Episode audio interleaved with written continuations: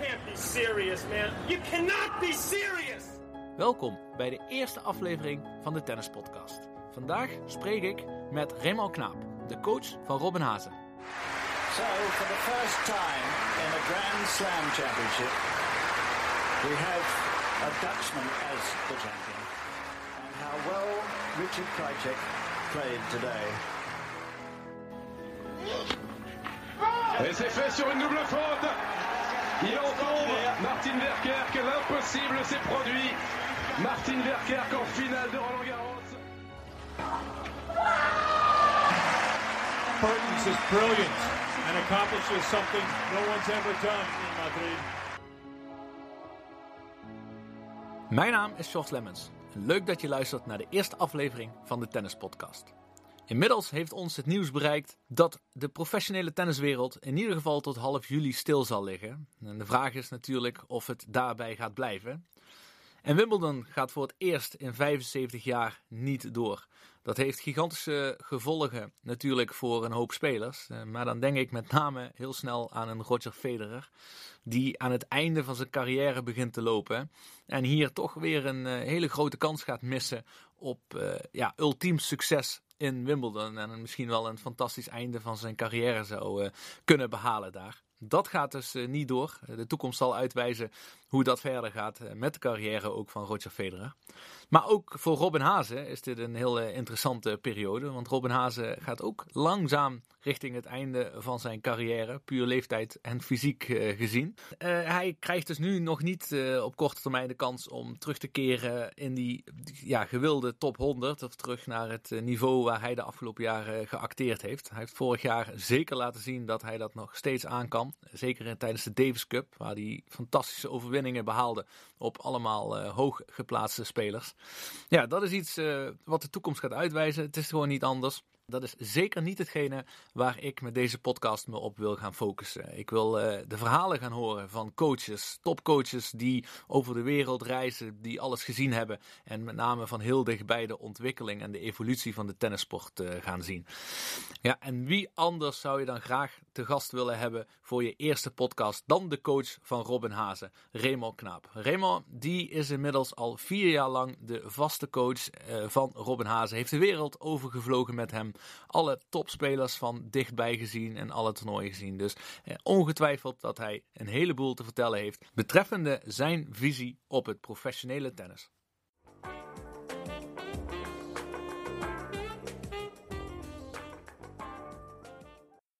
Ja, Raymond, wij kennen elkaar vooral van de hoofdklasseperiode, eh waar we wel vaker eh, met Weert tegen Popeye Goldstar eh, speelden.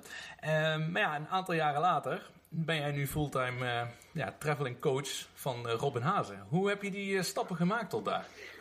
Oh, nou, dat is een heel lang proces geweest natuurlijk, wat je zegt. Ik, ik heb een goede tien jaar bij Popeye Goldstar training gegeven. Dat was ehm, ja, van alles. Dat deed ik eh, kinderen onder 12, maar ook eh, ja, de, de, de onder 18. Wel eens eh, iemand die naar een Grand Slam ging bij de jeugd. En wat future spelers in eredivisie gecoacht. Ehm, maar dat pa- park dat, ja, dat moest op een gegeven moment ruimte maken hè, op de Zuidas.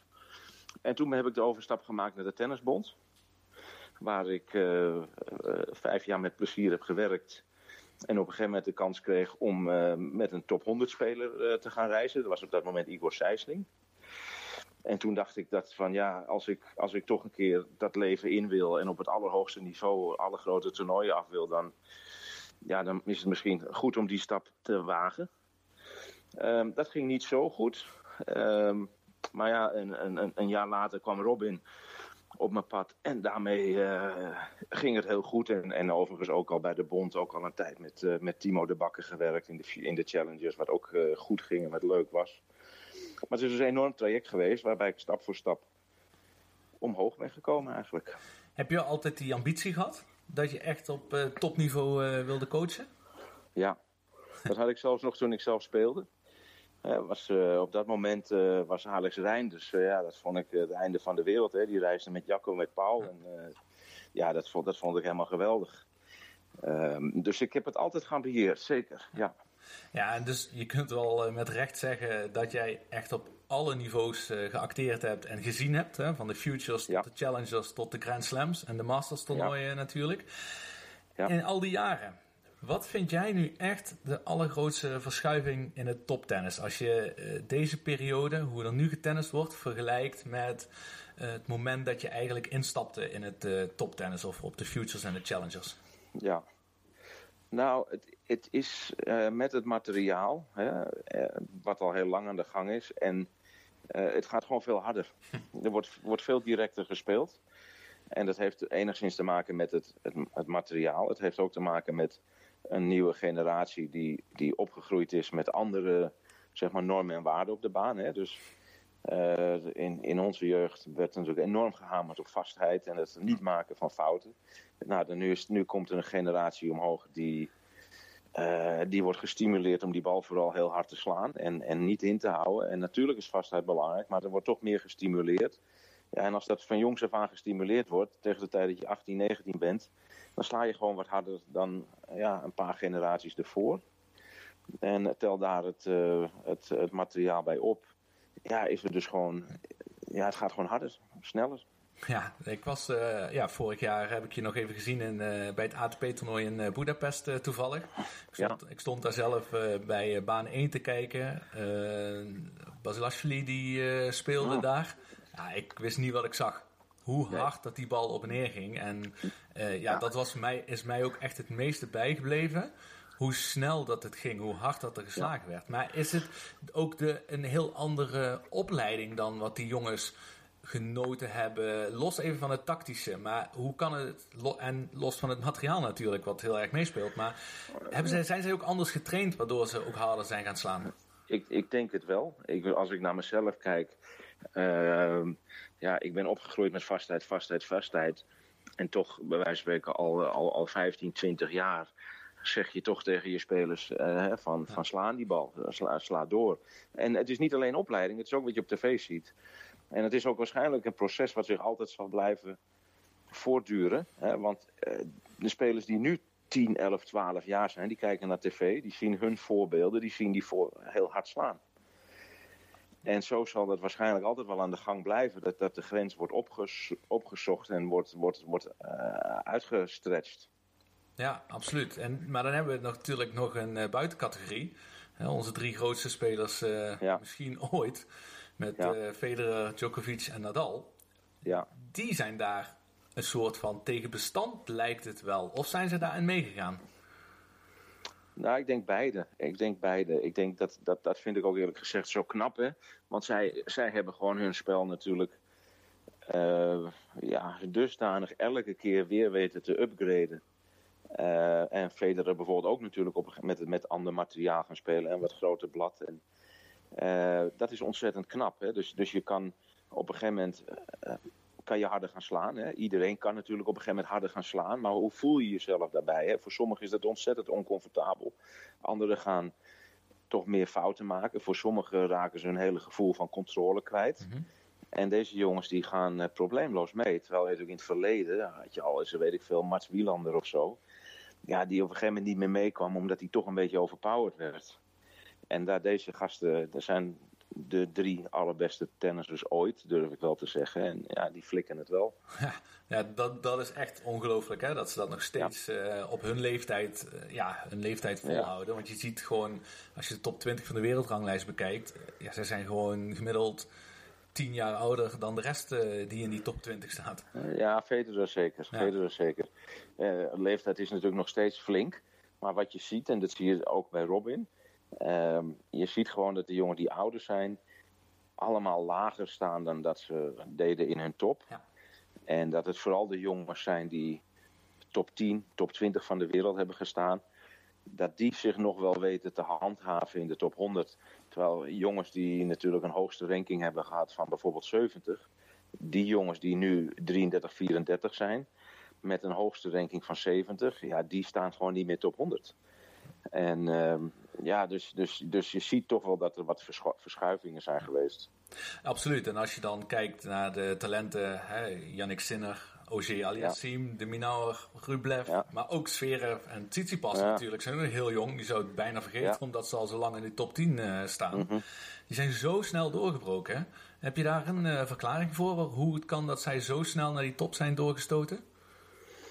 Nou, niet, niet echt een, een panklare eh, verklaring. Het gebeurt natuurlijk altijd in, in fases. Hè, dat je een bepaalde fase hebt waarin je een aantal goede jonge spelers hebt die, die doorstoten. Het, is heel lang heel stil geweest. Nou, eh, dus er zijn heel lang heel weinig spelers doorgebroken. Nou, en op een gegeven moment komt er gewoon weer een lichting. En ik denk dat die lichting, dat, dat zo deze drie, vier jaargangen waar jij het nu over hebt. Ja, als er dan eentje doorbreekt, dan komt ook het geloof bij de ander wat meer. En dat wordt wat gehyped en ze gaan erin geloven en ze krijgen de kansen. En dan, dan krijg je in één keer een heel groepje jongens wat doorbreekt. En ja, het kan best zijn dat het natuurlijk de komende eh, drie, vier jaar eh, weer weinig is. Maar de afgelopen paar jaar heeft zich dat eigenlijk allemaal, als het ware, in de pijplijn opgepot. En het spuit nu allemaal eruit. Want het is natuurlijk de laatste drie jaar is het eh, ongekend wat er doorstoot. Ja, inderdaad. Ja, helemaal gelijk. in. En eh, ze, ze lijken ook gewoon zonder angst te spelen. En ik zie dat ook wel in Ja. meer eh, sporten hoor. Eh, dat die jonge generatie zonder angst speelt en niet uitmaakt wie aan de andere kant van het net staat. Ehm, lijkt er alsof ze ook nog geen, geen littekens hebben opgelopen. Hè, dat ze nog echt totaal Ja, vrij ja, uitspelen. ja. Dat, dat is ook interessant om te zien hoe, of die onbevangenheid blijft hè, in de Ja. loop van de jaren. Als je, als je op een gegeven moment ook moet gaan verdedigen, als het ware. Ehm, en bepaalde status hebt bereikt en dat je die, die status eh, moet verdedigen. Maar wat jij zegt, het, het, het, het weinige angst, het gewoon die ballen maar aanpakken, ongeacht de stand. Dat is een heel groot verschil met, met zeg maar 15 jaar geleden, waarin er veel meer ja, zo'n soort van percentage tennis werd gespeeld. En nu wordt er gewoon, er wordt gewoon enorm losgegaan op die bal. En ja, sommigen kunnen dat ook onder druk goed. En dat zijn de toppers. En als je dan als eh, talent, bijvoorbeeld als Nederlandse tennisser, ehm, aan het klimmen bent op die ranglijsten, maar je merkt dat je een langere periode rond die 200 of 150 ergens daar blijft hangen. Ja. Moet je je dan zorgen maken of je dan nog wel echt die stap kunt zetten naar de echte top, top 50 zal ik zeggen? Nou, ik, ik zou me nooit zorgen maken als je dat niveau hebt behaald. Dan heb je het. Kijk, die, top 100 wordt altijd gezien als een soort magische grens.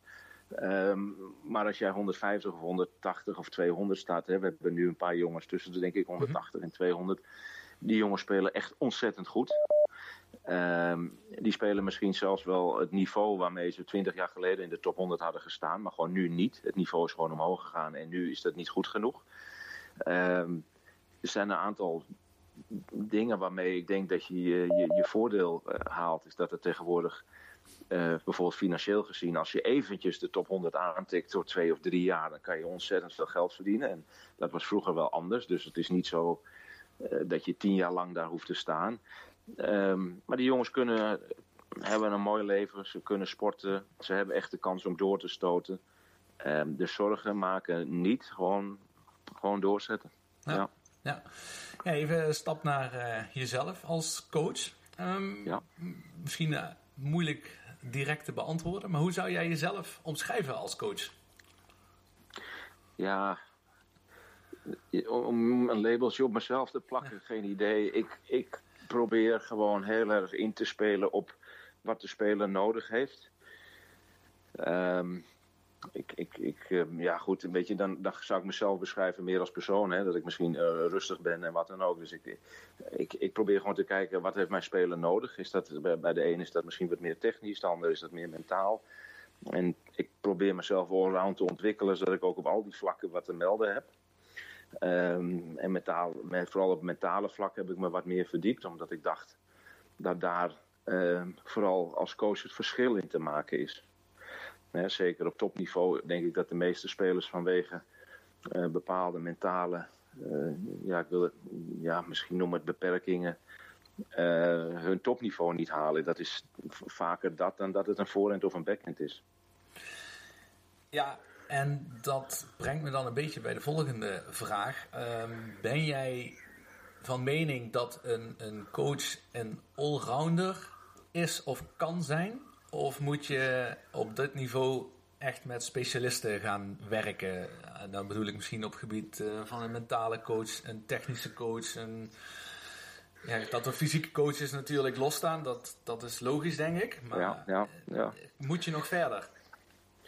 Um, ik, ik denk dat je als coach moet zorgen dat je zelf een specialist bent op, op, op uh, een aantal vlakken. Dus, dus ik heb op een gegeven moment uh, altijd de interesse gehad in het mentale gedeelte. Uh, dus daar ben ik me ook meer op gaan toeleggen en cursussen gaan doen en veel over gaan lezen omdat, uh, ja, weet je, ik had zoiets van, nou ja, het fysieke gedeelte, dat ga ik nooit, kan ik geen specialist bijna meer in worden. Als ik zie hoe goed die gasten zijn die dat doen. Maar ik ben op reis, 30 weken met zo'n speler. Dus ik zit aan het ontbijt en het avondeten. En dan, als je dan de, de, ja, als je dan de, de kwaliteiten hebt om, om op mentaal gebied te coachen, dan heb ik ervoor gekozen om dat te doen, om daar een toegevoegde waarde van te zijn. Uh, specialisten uh, zeker, maar je kan ook als coach kiezen om jezelf te laten bijstaan door een specialist en dan toch dat lijntje te houden met de speler. Nou, anders krijgt een speler ook misschien wel met vier, vijf verschillende mensen te maken. En dat, dat is in mijn ogen ook niet per se wenselijk. Nee, dat begrijp ik. En als jij, maar als je bijvoorbeeld kijkt naar de, de spelersbox uh, van, van de, de top drie, hè, ja. daar zitten heel wat mensen in. Mm, valt mee. Nou ja, kijk, oh. bij, bij Federer zitten er drie. Hè. Hij heeft echt, zeg maar, op, op, op de grote toernooien heeft hij twee tenniscoaches. Eén zijn longtime coach Luti en dan Lubicic en zijn fysieke trainer, wat eigenlijk meer uh, een fysio is. Ja. Um, Djokovic heeft hetzelfde team. Uh, die heeft dan een, een fysio en een ja, soort masseur mee. En dan twee coaches. Ja, het zijn dus niet per se specialisten. Het is niet zo dat er iemand zit voor het mentale, één iemand voor de techniek en één iemand voor de tactiek bijvoorbeeld. Nee. Dus het is meer zie je dat die gasten een oud speler erbij halen. Die weet hoe het is om Grand Slam finales te spelen. Die weet hoe dat is om dat leven te, te leiden of om die druk te voelen. Die halen ze erbij. Uh, dat is wat je wel ziet. Ja. Maar niet, niet, zit niet per se een mentale trainer in de box bijvoorbeeld. Nee, precies. Dus je hebt wel, uh, wat je zelf ook zegt, um, je hebt wel het gevoel alsof er een soort hoofdcoach zou zijn en die houdt eventueel lijntjes met uh, andere coaches, maar er is altijd wel één iemand die de hoofdcoach blijft. Ja, dat zou ik altijd wel zeggen. En, en, en dat je dus als hoofdcoach ook wel goed kan beoordelen als je met een mentale coach gaat werken, van dat je toch wel weet van wat zijn de methodieken die zo iemand gebruikt? Um, wat is de benadering? En dat je, dat je dus niet al complete leek bent daarop, maar dat je wel kan denken: ah, past dit bij mijn speler of niet? En hetzelfde geldt natuurlijk ook weer voor een fysieke trainer. Je hebt een speler met een bepaalde motoriek en die heeft bepaalde eigenschappen. En um, ja, bijvoorbeeld voor Robin ja, uh, zou ik niet een conditietrainer willen die helemaal losgaat uh, en altijd maar gefocust is op, op, op krachttraining met zware gewichten. Want dat past niet bij Robin's lichaam en hij gaat daar niet goed op. Dus je moet wel een, zorgen dat je een flinke basiskennis hebt op al die gebieden. Dat je wel uh, mee kan komen in het gesprek, zeg maar. Hoe heb jij in die laatste ja, 20 jaar eigenlijk dat je coach bent. Maar hoe, ja. hoe ben jij daarin uh, bijgebleven? Of hoe, hoe, wat doe je eraan om je te blijven ontwikkelen hierin? Ja, laat ik zeggen dat. Um, ja, jij zegt de afgelopen twintig jaar dat ik coach ben. Nou ja, ik vind persoonlijk dat ik, dat ik die titel. Dat ik die titel van coach uh, zeker niet zo lang verdien. He, want, want ik vind dat heel veel mensen zich misschien coach noemen. Maar ja, we, uh, in mijn ogen de titel niet helemaal verdienen. Ik, uh, ik heb op een gegeven moment een, een uh, cursus. Uh, ik heb sowieso mijn A, B en C diploma op de, bij de Tennisbond gehaald. Uh, ik heb een opleiding tot life coach gewerkt, wat een ongelofelijke aanvulling is voor het vak. Uh, ik heb een um, opleiding Action Type gevolgd, wat, wat, ook weer een hele mooie aanvulling is, omdat het toch meer fysiek is, uh, onder andere, en motoriek, persoonlijke voorkeuren en stijlen. En verder, ja, veel praten met collega's. En af en toe eens een, een, vakblad op, openslaan. Um, daar kom je al een heel eind. En op uh, de locaties, dus dat je echt zo dicht op het toptennis uh, staat iedere dag. Kijk je bijvoorbeeld ook uh, veel andere wedstrijden nog? Nou, veel op de televisieschermen. He, er staat natuurlijk overal in alle ruimtes, in alle restaurants, in de Players Lounge staan altijd ehm, de, de, de, wedstrijden aan. Maar vooral ook op de trainingsbaan. Hè, dan sta je natuurlijk altijd naast veel van dat soort gasten. En dan uh, kijk je toch wel van, hé, hey, uh, wat doen zij? Ehm, wat doen ze qua oefenstof? Wat doen ze fysiek? Wat doen ze qua warming-up? Uh, dat, dat vind ik wel heel interessant om te blijven volgen, ja. Ja, dat, dat, denk ik, dat vind ik ook zelf heel interessant om wel te kijken ja. bij de toppers. Wat, wat doen zij? Het enige is, soms ben ik dan bang dat je misschien al wat laat bent. Als je het al gaat kopiëren van anderen. Nou, ik, ja, nee, daar heb ik... Dat, volgens, mij, volgens mij ben je nooit echt te laat, hè. En... en uh, ja, je kan beter misschien ietsje later een ontwikkeling maken of een verandering maken. Uh, ik denk dat het ergste wat je kan overkomen als coach is dat je juist een hele tijd niets mm -hmm. aanpast. En als je maar lang genoeg niets aanpast, dan wordt de, de, openheid en de bereidheid om wel nog wat te veranderen in jouw werk wordt alleen maar kleiner. Want dan denk je helemaal dat je te laat bent. Of van had ik dit maar tien jaar geleden geweten. Ja, en ik heb liever uh, dat ik dan een jaar te laat ben dan tien jaar te laat. Ja, want dan noem je eigenlijk de, de typische methodiek trainers, hè, die een één visie hebben en die eigenlijk ja. uh, dat op iedereen projecteren. Ik denk ja. dat die tijd wel geweest is, toch? Ja, ja daar heb je ook allerlei namen voor. Hè. Dus de, de one size fits all. En, ja. uh, nee, ik, ik geloof daar ook helemaal niet in. Ik, ik denk dat we, we zijn allemaal uniek. We hebben allemaal een andere opvoeding gehad. We hebben allemaal een andere Um, trainen, andere trainers gehad, andere opleiding qua sport gehad. Dus op het moment dat je met een speler gaat werken die 18 is of 28, het, het verleden kan, heeft heel veel invloed op, op het karakter en, en de eigenschappen van die, eh, of op het gedrag van, van die, die persoon. Uh, dus je moet elke keer weer kijken van wat heeft diegene nodig, waar is hij het meest gebaat bij. Ja, dus nee. Ja, want ik denk, kijk, je, je, zegt het zelf al. Hè, je, je, bent life coach. Je werkt veel met action types. Dat had ik op internet trouwens ook al uh, kunnen vinden. is een heel mooi artikel daar uh, verschenen hoe jullie ja. samenwerken. Ja. Robin is ook een heel intelligente jongen die heel veel heel leergierig is. En ook ja. psychologieboeken leest als hij op vakantie is. In, in plaats van alleen maar op het strand te liggen. Lijkt dat misschien daarom jullie ook wel zo'n enorm goede combinatie zijn. Ben je het daarmee eens? Um, nou, kijk, Robin is een jongen die is heel veel eisend naar zichzelf, maar ook naar zijn omgeving. Dus dat, dat, heeft, dat dwingt mij ook wel om altijd weer te zorgen dat ik een aantal stappen maak. Um, hij, is, hij is zeker leergierig. Um, ja, de, ik, denk, ik denk dat vooral onze kwaliteit, uh, dat wij een goed team maken, zeg maar, komt denk ik vooral omdat we best wel wat kernwaarden gelijk hebben. Ja. Uh, dat is wel de ambitie, maar het is ook een stukje openheid en eerlijkheid. Uh, betrouwbaarheid, waar, we, waar we gewoon ja, veel. Ja, het is, het is bijna natuurlijk een soort relatie. Hè? Je hebt toch een aantal. Je moet een aantal kernwaarden delen. En, en daarnaast misschien ook nog een paar aantal dingen naast het tennis ook goed over praten. Weet je, we hebben bijvoorbeeld allebei niks met voetbal. Maar we vinden wel kunst leuk. Dus dat betekent dat, we, dat, dat je daarop al een beetje matcht. Um, en op de baan is het gewoon simpel. Moet ik gewoon zorgen dat ik een heel goed verhaal heb. Want anders, uh, ja, anders koopt hij het niet. Ja, als we dan vooruitkijken. Hè, ik hoop natuurlijk dat jullie nog heel, uh, heel wat jaren samen kunnen, ja, kunnen blijven presteren. En weer echt naar jullie topniveau kunnen groeien. Hè, dat ja. hoopt iedereen natuurlijk in Nederland. ja, ja. Maar er komt een moment waarop Robin uh, gaat besluiten om te stoppen met tennis. Mm, ga je, ja.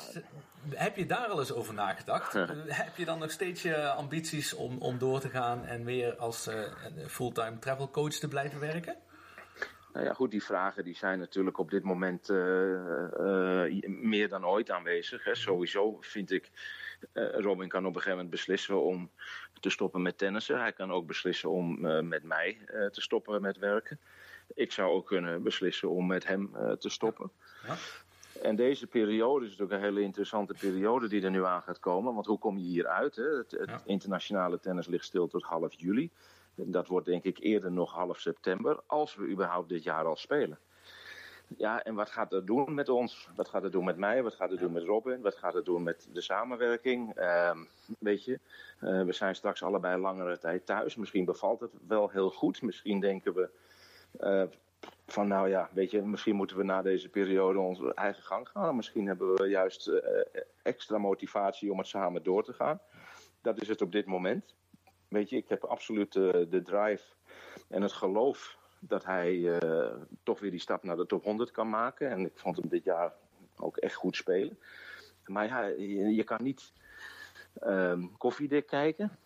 En dus ook om, om jouw vraag concreter te beantwoorden. Um, wat verder, ik, ik moet je eerlijk zeggen, ik weet het niet zo goed. Het liefst blijf ik in de sport en het liefst, het liefst blijf ik coachen. Um, maar het is, het is, op dit moment is het voor ons heel raar, omdat het gewoon nu de komende vier maanden sowieso stil ligt. Dus uh, ik weet niet wat het met ons gaat doen. Nee, ja, dat is duidelijk, inderdaad. Uh, maar een beetje daarop, uh, ook als afsluitende vraag, min of meer. Je, je hebt nu een goede relatie, hè, zoals je het zelf wel terecht omschrijft uh, met Robin. maar ja, stel ja. dat je iemand anders zou gaan coachen. Ja. Dat betekent waarschijnlijk dat jij ook weer heel erg zou moeten aanpassen als coach. Hè? Want je moet weer iemand helemaal opnieuw gaan ontdekken. En hoe, hoe iemand in elkaar zit en waar iemand goed op reageert, of niet? Zeker, zeker. Um, maar dat is ook leuk. Ja. Hè, kijk, nu, nu, nu na bijna vier jaar met Robin, uh, ja, uh, bijna wekelijks opgetrokken te zijn, dan ken je elkaar heel goed, dus je hebt een half woord genoeg. Aan de andere kant, als je met iemand nieuw gaat werken, dan, dan kun je ook weer meer van jezelf geven. Want je, je wordt uh, misschien dat iemand anders hele andere uh, ja, benodigdheden heeft. En dan moet ik uit een heel ander gereedschapskistje gaan, gaan putten. Dan waar ik nu bijvoorbeeld uit, put. En, en dus iemand nieuw is een uitdaging op, op vele vlakken. Uh, dus ja, ik, het heeft ook zijn goede kanten. Ja, zeker. Ja, fantastisch. Ik vind het al heel interessant inderdaad wat je allemaal aan me hebt uh, weten te vertellen. Vooral hoe jij ernaar kijkt en ja. de ontwikkelingen tennis en vooral hoe jij je coaching ziet. Want ik denk dat dat een kant is die nog niet zo duidelijk belicht wordt. met name hoe je, hoe je aangeeft hoe jij je moet blijven ontwikkelen. Hoe jij iedere keer um, je aanpast aan de speler en wat daarvoor nodig is. En dat is wel heel mooi om, om dat te horen. Ja, ja, ja zo, zo, zo sta ik erin. En Um, ja, we, we, moeten ook het goede voorbeeld geven als coaches. Hè? dus uh, dus je, moet, je moet toch het lef hebben om je kwetsbaar op te stellen. En ook af en toe eens te zeggen van, joh, ik weet het niet. En, en dus jezelf te blijven ontwikkelen. Want dat verwachten we natuurlijk van de spelers ook. Absoluut. Ja, Raymond, ik ja. bedank je alvast heel hartelijk voor je tijd. Ik wens je natuurlijk uh, alle succes en vooral ja, wijsheid in de komende periode wat er gaat gebeuren. En dan, uh, ja, als dit allemaal George. over is, dan gaan we, het vanzelf, uh, gaan we het vanzelf zien. Super. Helemaal goed. Ja, jij bedankt. Dat was wat mij betreft een heel mooi, inspirerend verhaal van Raymond Knaap. Hoe hij omgaat met coaching. In dit geval samen met Robin Hazen. En vooral mooi om te zien hoe de speler centraal wordt gesteld in zijn visie. Is zichzelf breed gaan ontwikkelen met life coach, maar ook technisch, tactisch. Van alle facetten van topsport weet hij wat vanaf. Waardoor hij zo goed zich kan aanpassen op, aan de behoeften van de speler. In de volgende aflevering is Christophe Vliegen te gast. De Belg, die in 2006 nummer 30 van de wereld stond, heeft inmiddels zijn eigen tennisacademie, Fly Academy Tennis, in de buurt van Brussel. Het mooie is om te horen dat hij een heel andere insteek heeft en niet bepaald op zijn mondje is gevallen als het gaat om het uiten van zijn mening met de academie bijvoorbeeld, ik weet dat ik vorig jaar toen ik heb aangekondigd heb, ik heb, ik heb een 40, 50 tal kinderen getest. Maar ik heb er ook zelf 25, 30 geweigerd. Omdat ik vond van, dat ik met de ouders gepra gepraat had. En ik zei tegen de ouders van, kijk, dat is de visie. Als je daar niet in kan vinden, dan moet je niet komen. Dat dus de volgende keer. Voor nu bedankt voor het luisteren van de Tennis Podcast. Blijf gezond allemaal. Hoi!